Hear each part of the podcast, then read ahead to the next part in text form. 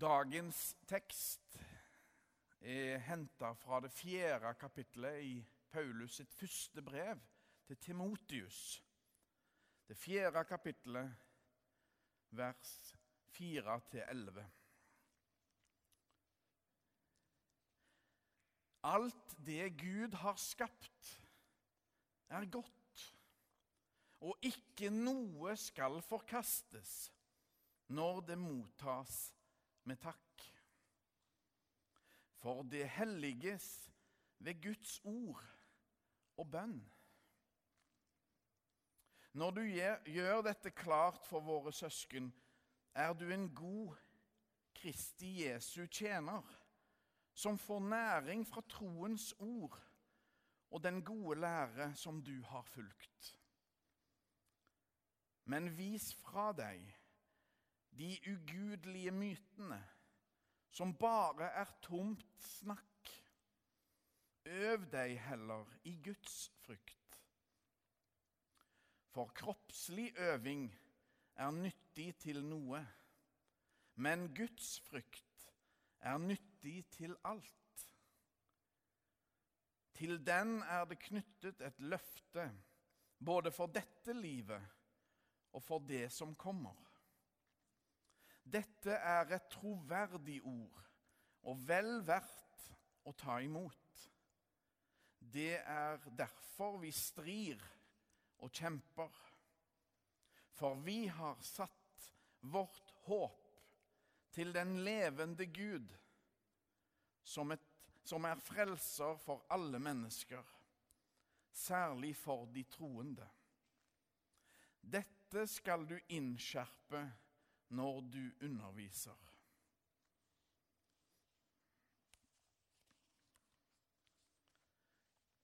Det er noe forfriskende ved Paulus sine ord til den unge medarbeideren Timotius. Det er nemlig en tydelig og klare skapelsesteologi i dette han skriver. Og nå i vår tid, i lys av det økende miljøengasjementet blant ungdommen, så er det kanskje tid for å legge av oss den greske filosofis jerngrep på oss. Den greske filosofi ser på den skapte verden som noe negativt, ja, nærmest noe ondt mens det var ånden og ideen som ble dyrka. La oss legge av den greske filosofi sitt åk, og heller ta fram det bibelske synet på tilværelsen. I det bibelske lyset er det slik at vi ikke har en kropp men at vi er kropp.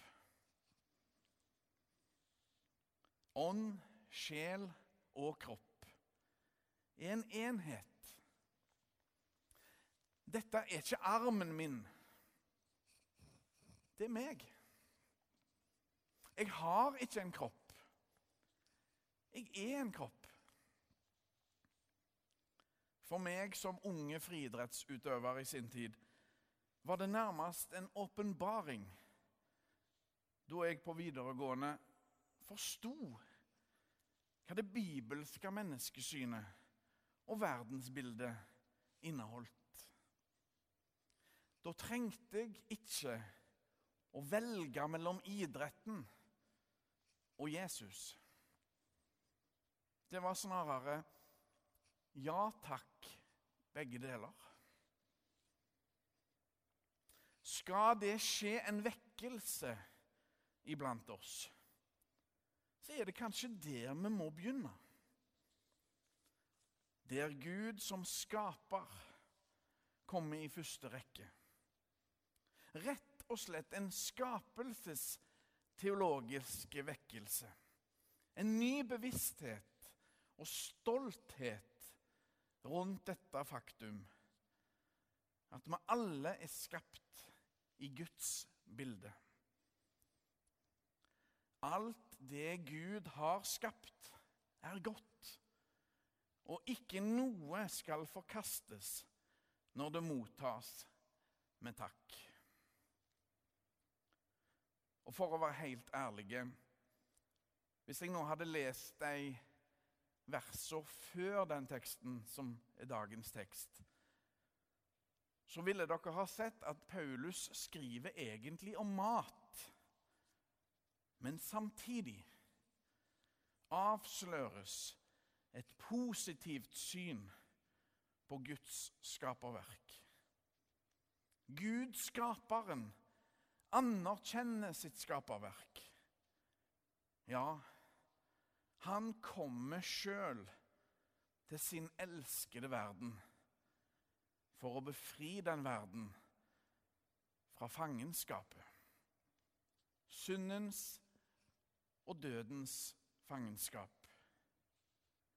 Så skaperen blir òg befrieren i Jesus Kristus, vår Herre.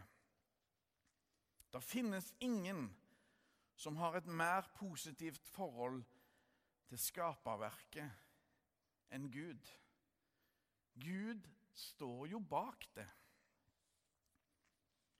Dette er et troverdig ord og vel verdt å ta imot.